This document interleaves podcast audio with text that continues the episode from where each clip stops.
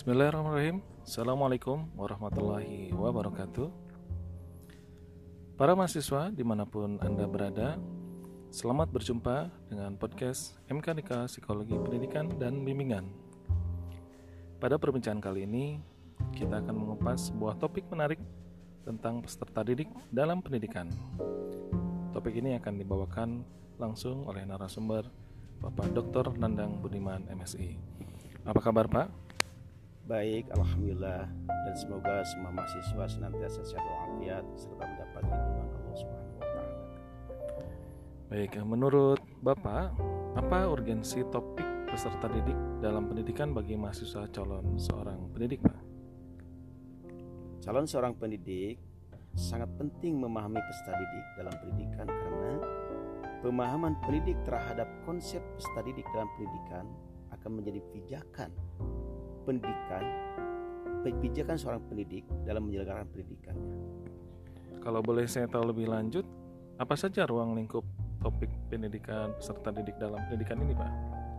Uh, ruang lingkup topik peserta didik dalam pendidikan mencakup pertama konsep dasar peserta didik, kedua konsep dasar perkembangan, ketiga prinsip-prinsip perkembangan peserta didik, keempat tahapan perkembangan peserta didik dan kelima konsep tugas perkembangan peserta didik. Baik, kita lanjutkan. Menurut Bapak, siapakah sebetulnya yang dimaksud dengan peserta didik itu, Pak? Setiap peserta didik adalah setiap orang yang sedang mengikuti pendidikan. Pada prinsipnya disebut peserta didik. Baik pada jalur jalur, jenjang maupun jenis pendidikan mana pun ia berada. Oke, menarik sekali, Pak. Uh, kalau konsep peserta didik seperti itu berarti sebutan untuk peserta didik ini sangat banyak sekali, Pak. Wah, Anda sangat cerdas ini tampaknya. Pendapat Anda benar. Peserta didik pada jalur pendidikan peserta didik pada jalur pendidikan formal, jenjang pendidikan dasar dan menengah seperti di SD, SMP, MTS, SMP, SMA, MA atau sederajat disebut siswa. Peserta didik pada pendidikan tinggi disebut mahasiswa peserta didik pada jalur pendidikan non formal seperti di pesantren disebut santri, di pusat kegiatan belajar PKM disebut dengan warga belajar, orang yang sedang mendengarkan ceramah agama atau pengajian disebut mustami. Bersebab itu, ayat 4 pasal 1 bab 1 Undang-Undang Republik Indonesia nomor 20 tahun 2003 tentang sistem pendidikan nasional menegaskan bahwa peserta didik adalah anggota masyarakat yang berusaha mengembangkan potensi diri melalui proses pembelajaran yang tersedia pada jalur, jenjang, dan jenis pendidikan tertentu. Baik. Di dalam pembahasan peserta didik, dalam pendidikan itu ada subtopik perkembangan peserta didik. Apa yang dimaksud dengan perkembangan dan kemudian apa bedanya dengan pertumbuhan, Pak? Baik, memang keempat istilah itu sangat-sangat penting dipahami oleh kita semua.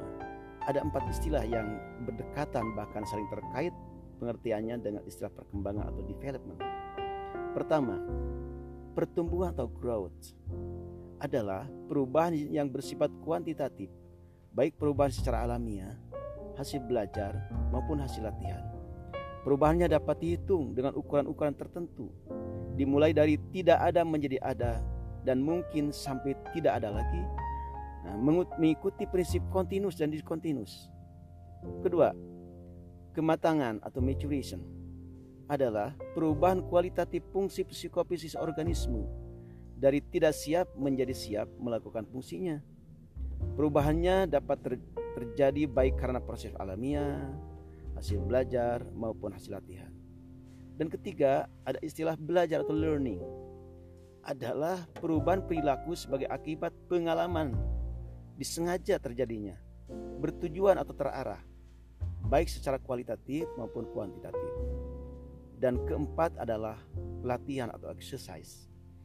Latihan adalah perubahan perilaku yang lebih bersifat mekanistis dan lebih banyak menyentuh aspek psikomotor organisme sebagai akibat pengalaman disengaja bertujuan atau terarah, baik secara kualitatif maupun kuantitatif. Nah, baik pertumbuhan atau growth, kematangan atau maturation, belajar atau learning, maupun latihan atau exercise sama-sama menghasilkan perubahan perilaku yang akan menyebabkan organisme mengalami perkembangan atau development. Wah, menarik sekali, Pak. Jadi kalau begitu, sejak kapan sebetulnya perkembangan pada manusia itu terjadi, Pak? Nah, dalam perspektif lifespan development, ini ini teori terkini. Perkembangan manusia terjadi sejak masa konsepsi sampai meninggal dunia tentu saja. Hmm. Bisa dijelaskan lebih lanjut, Pak, apa itu perkembangan sebetulnya? Nah, eh, perkembangan dapat didefinisikan sebagai perubahan sepanjang hayat atau change over time baik melalui proses pertumbuhan, kematangan, belajar maupun melalui latihan. Karena kita sedang berbincang tentang peserta didik, maka yang dimaksud perkembangan peserta didik adalah perubahan-perubahan psikofisik yang terjadi pada individu semasa ia memainkan perannya sebagai peserta didik, baik pada pendidikan informal, formal maupun non formal sebagai hasil dari proses pertumbuhan, kematangan, belajar maupun latihan. Nampaknya ini perlu dirinci lebih lanjut. Sebetulnya prinsip-prinsip perkembangan itu ada berapa atau apa saja, Pak? Rasanya aneh jika ada yang melarang Anda untuk tidak tahu tentang prinsip perkembangan. Tentu saja, baik, saya akan coba jelaskan kepada Anda dan teman-teman mahasiswa yang lainnya semuanya bahwa merujuk kepada pendekatan teori lifespan development dari Papalia tahun 2004 ada enam prinsip perkembangan. Pertama, Development is lifelong. Maksudnya adalah prinsip ini menegaskan bahwa perkembangan merupakan suatu proses perubahan sepanjang hayat, change over time, sebagai kemampuan beradaptasi manusia terhadap situasi yang dipilih. Kedua, development import both gains and loss. Prinsipnya, prinsip ini yang menegaskan bahwa dalam perkembangan ada hal yang baru, ada juga yang hilang. Artinya, dalam perkembangan baik prinsip continuous maupun discontinuous bisa terjadi. Ketiga, relative influence of biology and culture shift over life span. Maksudnya adalah prinsip ini menegaskan bahwa proses perkembangan dipengaruhi baik oleh faktor biologis maupun oleh faktor budaya dan keseimbangan antara pengaruh perubahan kedua faktor tersebut selama sepanjang hayat. Yang keempat, development involves a change allocation of resources Maksudnya, prinsip ini menegaskan bahwa tidak ada seorang pun yang dapat melakukan segalanya. Individu akan memanfaatkan sumber-sumber perkembangan yang disebut resources seperti waktu, energi, talenta, uang, dukungan sosial, dan cara lain-lainnya yang bervariasi tentu saja.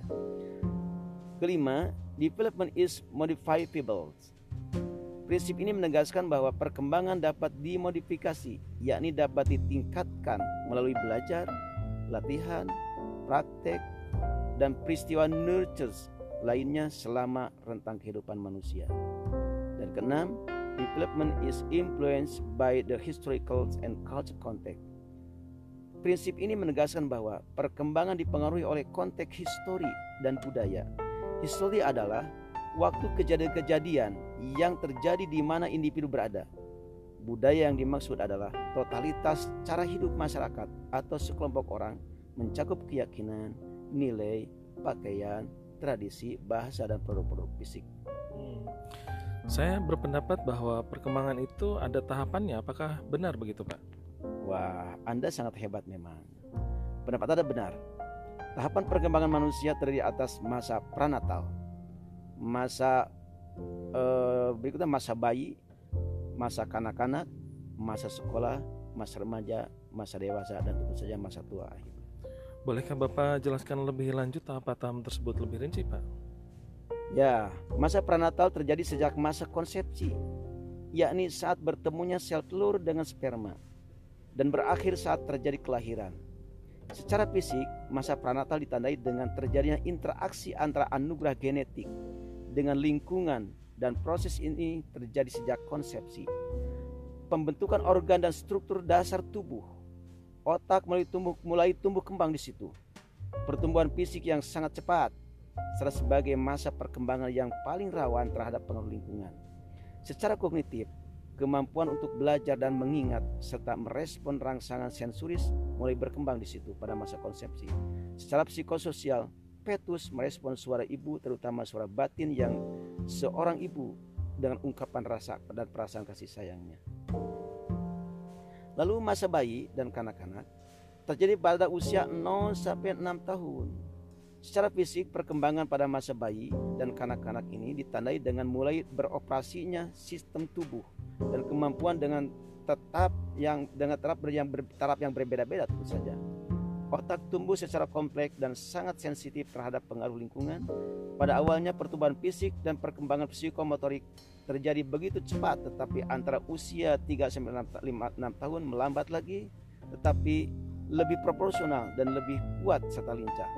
Nah, secara kognitif, masa ini ditandai dengan kemampuan belajar dan mengingat yang mulai tampak bahkan pada minggu-minggu awal bayi lahir penggunaan simbol-simbol dan kemampuan memecahkan masalah berkembang pada akhir tahun kedua. Pemahaman dan penggunaan bahasa berkembang cepat, berpikir lebih egosentris, tetapi perspektif pemahaman terhadap orang lain juga tumbuh berkembang. Kemampuan bahasa dan mengingat meningkat, kecerdasan sudah dapat diperkirakan, serta mulai tertarik bersekolah melalui pendidikan anak usia dini seperti taman kanak-kanak dan sejenisnya. Perkembangan psikososial masa ini ditandai dengan kedekatannya terhadap orang tua atau orang-orang yang yang yang memiliki makna dengan semakna dengan orang tua. Kesadaran diri berkembang, ketergantungan terhadap pihak lain terutama orang tua berangsur-angsur memudar yang mendorong munculnya inisiatif, kontrol diri, kemandirian serta kesadaran akan pengurusan diri terutama akhir masa ini. Konsep diri dan pemahaman terhadap emosi mulai tumbuh di situ. Identitas gender berkembang, bermain semakin lebih imajinatif, elaboratif, dan lebih sosial. Dan bagi anak, keluarga masih menjadi fokus kehidupan sosial. Nah, pada masa sekolah terjadi pada usia 6-11 tahun. Perkembangan fisik yang terjadi pada masa ini ditandai dengan pertumbuhan yang lambat, tetapi kekuatan dan keterampilan atletis meningkat.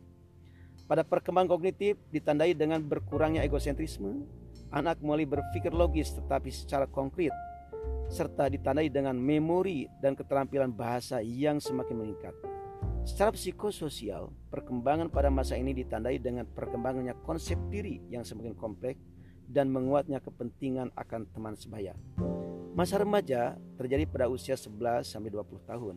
Secara fisik, perkembangan pada masa ini ditandai dengan pertumbuhan fisik dan berbagai perubahan yang sangat cepat serta terjadi kematangan organ reproduksi. Secara kognitif, remaja sudah mampu berpikir abstrak, logis, dan mampu menggunakan argumen ilmiah, tetapi masih berpikir here and now. Secara, psikososial, perkembangan masa remaja ditandai oleh pencarian identitas, terutama identitas seksual dan hubungan dengan teman sebaya yang relatif bagus. Pada masa ini, Sebaya sangat membantu pengujian konsep diri individu sekaligus risiko pemaksaan antisosial dari teman sebaya. Nah, masa dewasa terjadi dari usia 20 sampai 65 tahun. Papalia dan dan kawan-kawannya membagi masa ini menjadi dua periode perkembangan, yakni periode, periode awal dewasa awal atau young adult 20 sampai 40 tahun dan periode dewasa tengah middle adult 40 sampai 50 tahun.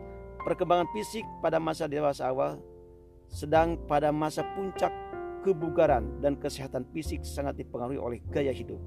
Sedangkan pada periode dewasa tengah terjadi penurunan kemampuan sensoris, kesehatan dan dan saja stamina. Pada, pada masa ini pula wanita mengalami monopause istilahnya. Secara kognitif pada masa dewasa kemampuan kognitif dan penalaran moral sudah begitu kompleks disertai dengan mumpuninya sebagian besar kemampuan mental, keahlian dan keterampilan praktis memecahkan masalah. Pendidikan dan pemilihan karir dilakukan dan hasil kreatif mungkin menurun tetapi lebih berkualitas terutama pada dewasa tengah mendekati usia 65 tahunan. Secara psikososial, ciri dan gaya kepribadian menjadi relatif stabil dan meski dan meskipun terjadi perubahan mungkin karena adanya kejadian tertentu. Keputusan akan per, pembuatan hubungan intim dan gaya personal dilakukan seperti melalui pernikahan dan berkeluarga, serta munculnya tanggung jawab ganda baik tanggung jawab pribadi maupun tanggung jawab terhadap keluarga dan masyarakat. Nah, yang terakhir dalam masa tua antara 65 tahun ke atas. Pada masa ini kesehatan dan kemampuan fisik sedikit mengalami penurunan. Itulah disebut dengan decline serta respon yang relatif lamban dalam beberapa fungsi psikofisik. Secara kognitif dalam beberapa hal kemampuan mengingat dan kecerdasan kemungkinan akan mengalami gangguan tetapi jika terpelihara kearifan kecenderungan semakin meningkat sampai bertemu dengan dengan dengan mati itu saja. Nah, secara psikososial pada masa tua orang perlu menangani masalah kehilangan personal dan akan kedatangnya kematian. Pengembangan jalan hubungan keluarga dan teman dekat yang relatif perlu mendapat dukungan orang lain serta masalah pencarian makna hidup. Saya pikir seperti itu penjelasannya. Baik, setelah mendengar penjelasan Bapak tadi, saya berpikir uh, sangat penting bagi kita untuk memahami tahap demi tahap perkembangan. Pak, begitu ya, Pak? Ya tentu saja, ini sangat penting. Ya, apakah anda termasuk masa remaja atau dewasa? Jika berdasarkan usia kelahiran saya, maka saya termasuk dewasa awal, Pak, karena saya sekarang berusia 21 tahun. Tapi jika berdasarkan pemikiran mungkin saya masih remaja nih, Pak. Oke, itu bagus ya. Oh, tak masalah ya, karena Anda sedang transisi tentu saja, yakni perpindahan dari masa remaja ke masa dewasa awal. Tetapi, dapatkah Anda pastikan bahwa Anda bisa berpikir dewasa sesuai dengan usia Anda sesegera mungkin? Bukankah proses transisi yang baik adalah transisi yang terjadi sesingkat mungkin? Ya ya baik Pak saya paham. Insya Allah saya akan pastikan untuk bisa berpikir dewasa. Oke, itu sikap yang bagus. Apakah masih ada pertanyaan? Sebetulnya masih banyak sekali waktu, eh, pertanyaan yang ingin saya ajukan, tapi mengingat waktu nampaknya kita harus akhiri mungkin Pak. Eh, kita akan lanjutkan di sesi berikutnya. Nampaknya waktu juga yang membatasi perbincangan kita, Pak. Terima kasih atas perbincangan kita pada hari ini. Saya memandang bahwa ini merupakan perbincangan yang luar biasa, eh, dan saya tentu para mahasiswa yang mendengar podcast ini menjadi tahu lebih banyak tentang peserta didik dalam pendidikan, terutama terkait dengan siapa dan bagaimana perkembangannya. Sekali lagi terima kasih atas penjelasan perhatiannya. Sampai jumpa. Assalamualaikum warahmatullahi wabarakatuh.